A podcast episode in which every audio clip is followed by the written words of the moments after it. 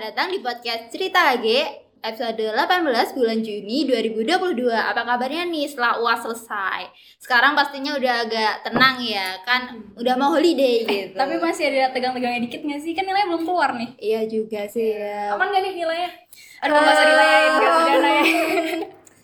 BTW sebelumnya kenalan ya. Di sini ada aku Salwa dari AG21 Dan aku Abida dari PDG 20 Dan aku Wisli dari PDG 2020. Kita bertiga di sini akan nemenin kalian selama podcast Cerita HG kali ini. Di podcast kali ini kita mau bahas apa sih emangnya? Oke, berhubungan nih kemarin banget tanggal 23 Juni baru aja pengumuman SBMPTN buat adik tingkat kita nih. Iya. Tentunya adik-adik kita unyu-unyu ya nggak sabar deh pengen ketemu kayaknya ya.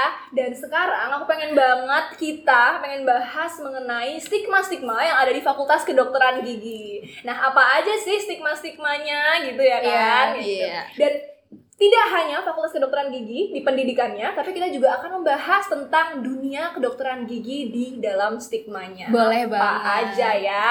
Nah, sekalian kita Bener. bahas nih mitos apa stigma-stigma itu bener atau cuma mitos doang sih? Bener. Mungkin mulai dari Salwa, kamu apa sih stigma yang kamu tahu tentang kedokteran gigi? Mungkin ya kalau orang denger FKG itu mesti fakultas kebanyakan gadis tuh. Hmm. Karena memang mayoritas tuh mahasiswi mahasiswanya tuh cewek-cewek ya. Yang cowok tuh kayak sedikit banget, langka banget gitu loh. Dan kebanyakan tuh kalau eh, anak-anak fakultas lain kalau mau cari cewek tuh mesti ke FKG gitu loh. Bener kayak cari banget. cewek Tapi jangan salah, anak kita nih FKG Iya. juga kadang-kadang kan ada ya temen aku ya masih jomblo gitu istilahnya kayak nggak ada apa nih anak teknik yang mau Oh, pacarin gue nih aduh. gitu ya kan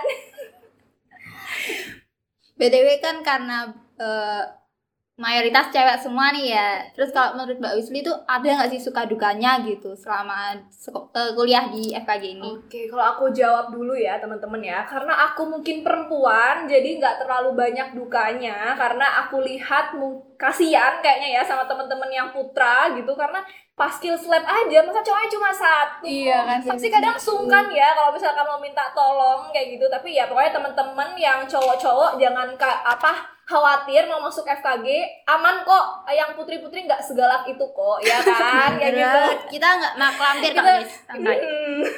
Oke, selanjutnya ya, aku akan membahas tentang stigma anak FKG itu banyaknya dari eh, pilihan pertamanya itu FK atau kedokteran umum biasanya. Iya Nah, sih. tapi sebenarnya nggak semua kayak gitu. Aku pribadi aja awalnya bukan dari FK sebenarnya karena aku dulu pengennya kedinasan tapi bukan rezekinya guys. Sedih banget Aduh. kan. Nah, maka dari itu eh, sebenarnya yang aku sangat bersyukur walaupun aku gak terima kedinasan ya di FKG itu kenapa? Karena dia itu kayak teknik berkedok kedokteran gitu Iya, guys ya kan? karena ada engineeringnya terus ada juga tentang artistiknya dan juga ada kedokterannya Bu, keren apa coba ya asli. kan maka dari itu kita harus masuk FKG, FKG. teman-teman Betul banget. Aku mau nambahin. Katanya tuh kalau masuk FKG tuh belajar tentang gigi doang gak sih? Oh, Pernah denger gak tuh yang kayak gitu? Sering sih. banget itu sih. salah banget gak sih? Karena dari semester 1 aja nih ya, kita tuh diajarin tentang anatomi dari atas atas kepala sampai bawah kaki gak sih? Kita belajar seluruh Bener. tubuh. Terus juga kita belajar biokimia, Iya. terus ilmu penyakit jiwa, ilmu penyakit mata, saraf juga kita semua Bener, belajar. fisiologi ilmu Aduh. tekanan darah juga dihitung sama kita ya. Oh iya, ini kan kita dari sisi PDG ya. Kalau Iya. lagi gimana Salwa? Kalau AG sendiri semester 2 ini ya bahkan tuh ada dasar-dasar manajemen. Jadi kita sendiri juga belajar manajemen gitu. Padahal kita kedokteran ya maksudnya. seru gak sih? keren Aduh. Seru gitu. Perpaduan biologi sama IPS ya. Hmm, kayaknya serba bisa ya di Iya FKG dong. ya pokoknya nggak salah lah kalau masuk FKG itu Betul.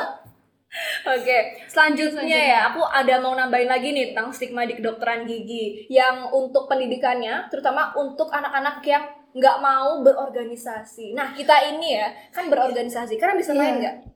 Masih Bisa, bisa, masih masih bisa masih. Bahkan aku yang hamil satu uas masih bisa ke alun-alun kidul Jogja guys. Masih ngemil-ngemil kayak gitu. Sih santai. Ayo Bisa santai. Santai aja. Yang penting kita tahu diri guys. Dan kita juga harus bisa mengatur waktu dengan sebaik-baik kembali ke diri kita sendiri lagi sih gimana cara manajemen waktunya Iya, kalau gitu aja sih. Jadi jangan takut untuk uh, berprestasi atau organisasi dan lain sebagainya. Siapa tahu jadi mahasiswa berprestasi, siapa sih yang nggak mau ya kan? Nah, kalau salah nih, apa nih stigma lainnya di Wah. FKG? Ini nggak sih mbak, kalau kedokteran gigi itu biasanya dikiranya tuh masuk ke kedokteran gitu, spesialisnya kedokteran. Padahal kan kedokteran gigi berdiri sendiri ya biasanya kan FKG.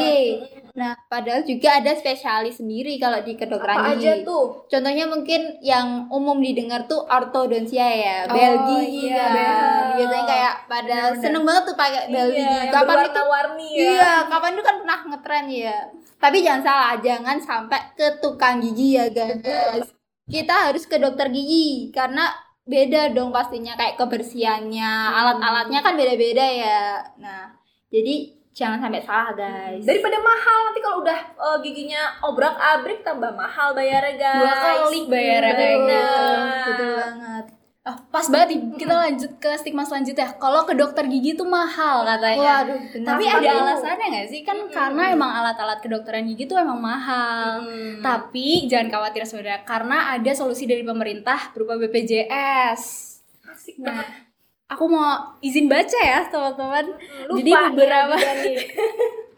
beberapa perawatan yang di cover sama BPJS tuh ada administrasi pelayanan meliputi biaya pendaftaran pasien dan juga biaya administrasi lainnya yang terjadi selama proses perawatan atau pelayanan kesehatan pasien. Terus pemeriksaan, pengobatan, dan konsultasi medis yang berhubungan dengan kesehatan gigi. Selain itu juga ada pramedikasi, eh, pemberian obat-obatan yang dilakukan sebelum tindakan perawatan atau pembiusan sebelum operasi. Terus kegawat darurat kegawat daruratan, oro, orodental, terus juga pencabutan gigi sulung dengan anestesi topikal atau infiltrasi, lalu pencabutan gigi permanen tanpa penyulit, juga obat-obatan pasca pencabutan gigi atau ekstrasi.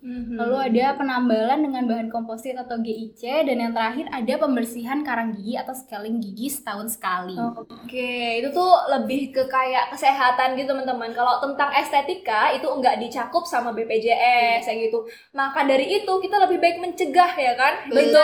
Scaling, scaling berapa bulan sekali? Ayo. Baiknya Iya 6 sih. bulan sekali. Sip dua banget. Langsung IP 4 guys. Aduh, amin, ya. Oke, kita lanjut ya.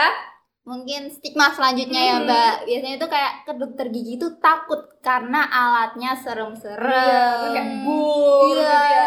Terus suaranya Bunyinya gitu biasanya kayak bunyinya "Hmm," gitu kan. Kayak pada takut duluan. Padahal tuh kalau sekarang sih ya udah lebih modern lah. Jadi nggak semengerikan dahulu kala ya. Dan kita juga diajarin kok ya bagaimana Cara- caranya untuk pendekatan sama pasien Betul. biar nggak takut, takut. kayak gitu.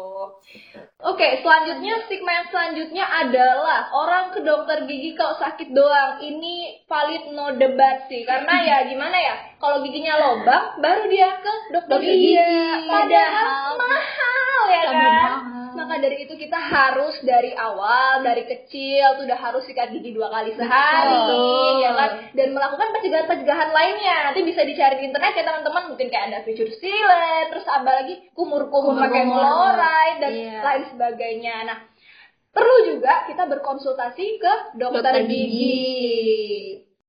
Enam bulan sekali?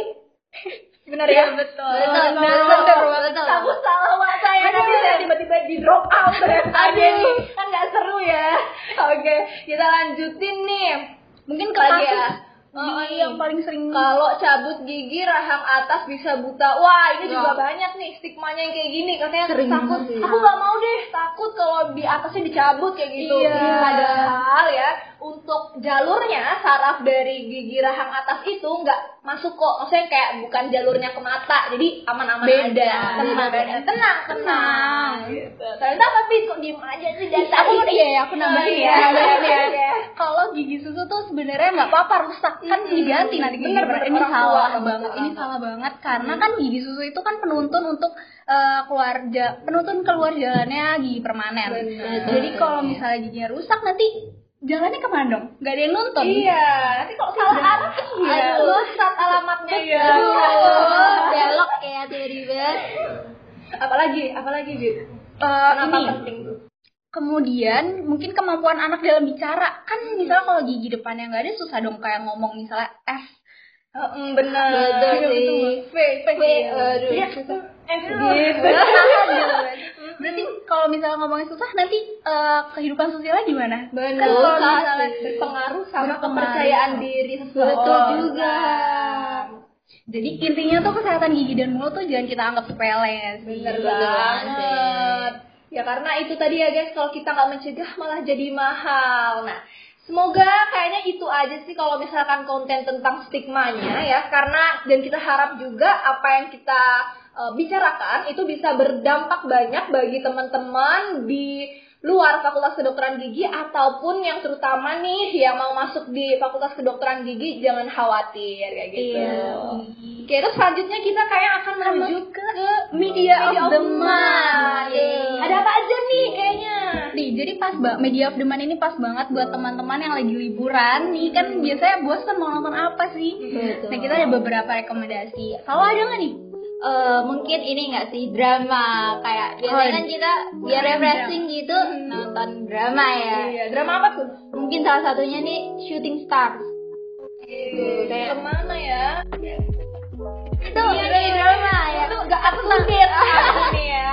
Tentang apa itu genrenya sih romcom ya. Jadi Oh, romedi kome romantis komedi. Oke, sampai belepotan. aduh sampai grogi dia tuh sampai habis. Aduh.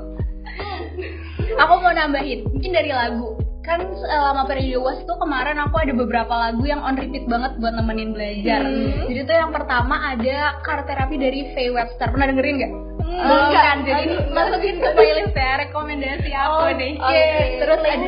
Oke. On Melancholy Hill-nya Gorillaz sama dari album terbarunya Harry Styles, Late Night Talking. Kau ada nggak? Eh, kalau uas kemarin sih mungkin karena TikTok ya tren TikTok tuh lagu-lagunya yang keputer lagu-lagu lawas gitu. Oh, Jadi gitu. kayak keikutan ke bawah kayak lagunya Kak uh, Krisya tuh yang kala cinta menggoda. Ah, iya, iya, iya. Mantep ya. Iya, aduh, bener Iya, bener, bener, bener. Terus ada juga kayak misalnya eh, lagunya Kahitna tuh kan banyak ya bagus-bagus andai dia tahu. Terus masih pada tahu lagu cantik. Oh, cantik. Eh, aduh, kita ya aduh. Makanya FKG aja banyak yang cantik-cantik ya. betul betul betul aku mau nambahin lagi buat film Oke, boleh, ini boleh. eh, judulnya Pride and Prejudice itu tuh iya. film dirilisnya tahun 2005 diangkat dari novelnya Jane Austen judulnya yang sama sih Pride and Prejudice kan pas banget nih prejudice prasangka kan pembahasan kita tentang stigma stigma gitu Oh iya, bener juga. Sumpah. Nah ini tuh tentang prasangka kalau bahwa kalau anak perempuan di zaman dahulu itu harus nikah sama laki-laki yang keadaan ekonominya tuh lebih tinggi. Itu seru banget sih filmnya. banyak itu insight baru yang kita dapat pelajarannya di situ ya. Iya. Betul. Mungkin kayaknya sekian ya media Audemon kali ini. Kalau mau tahu yang lain bisa lihat episode sebelumnya ya guys. Jadi di sini ada aku Sawa. Aku Abida. Dan aku Wisli tentunya. Kami pamit undur diri. Eh, see you di episode selanjutnya ya. Dadah.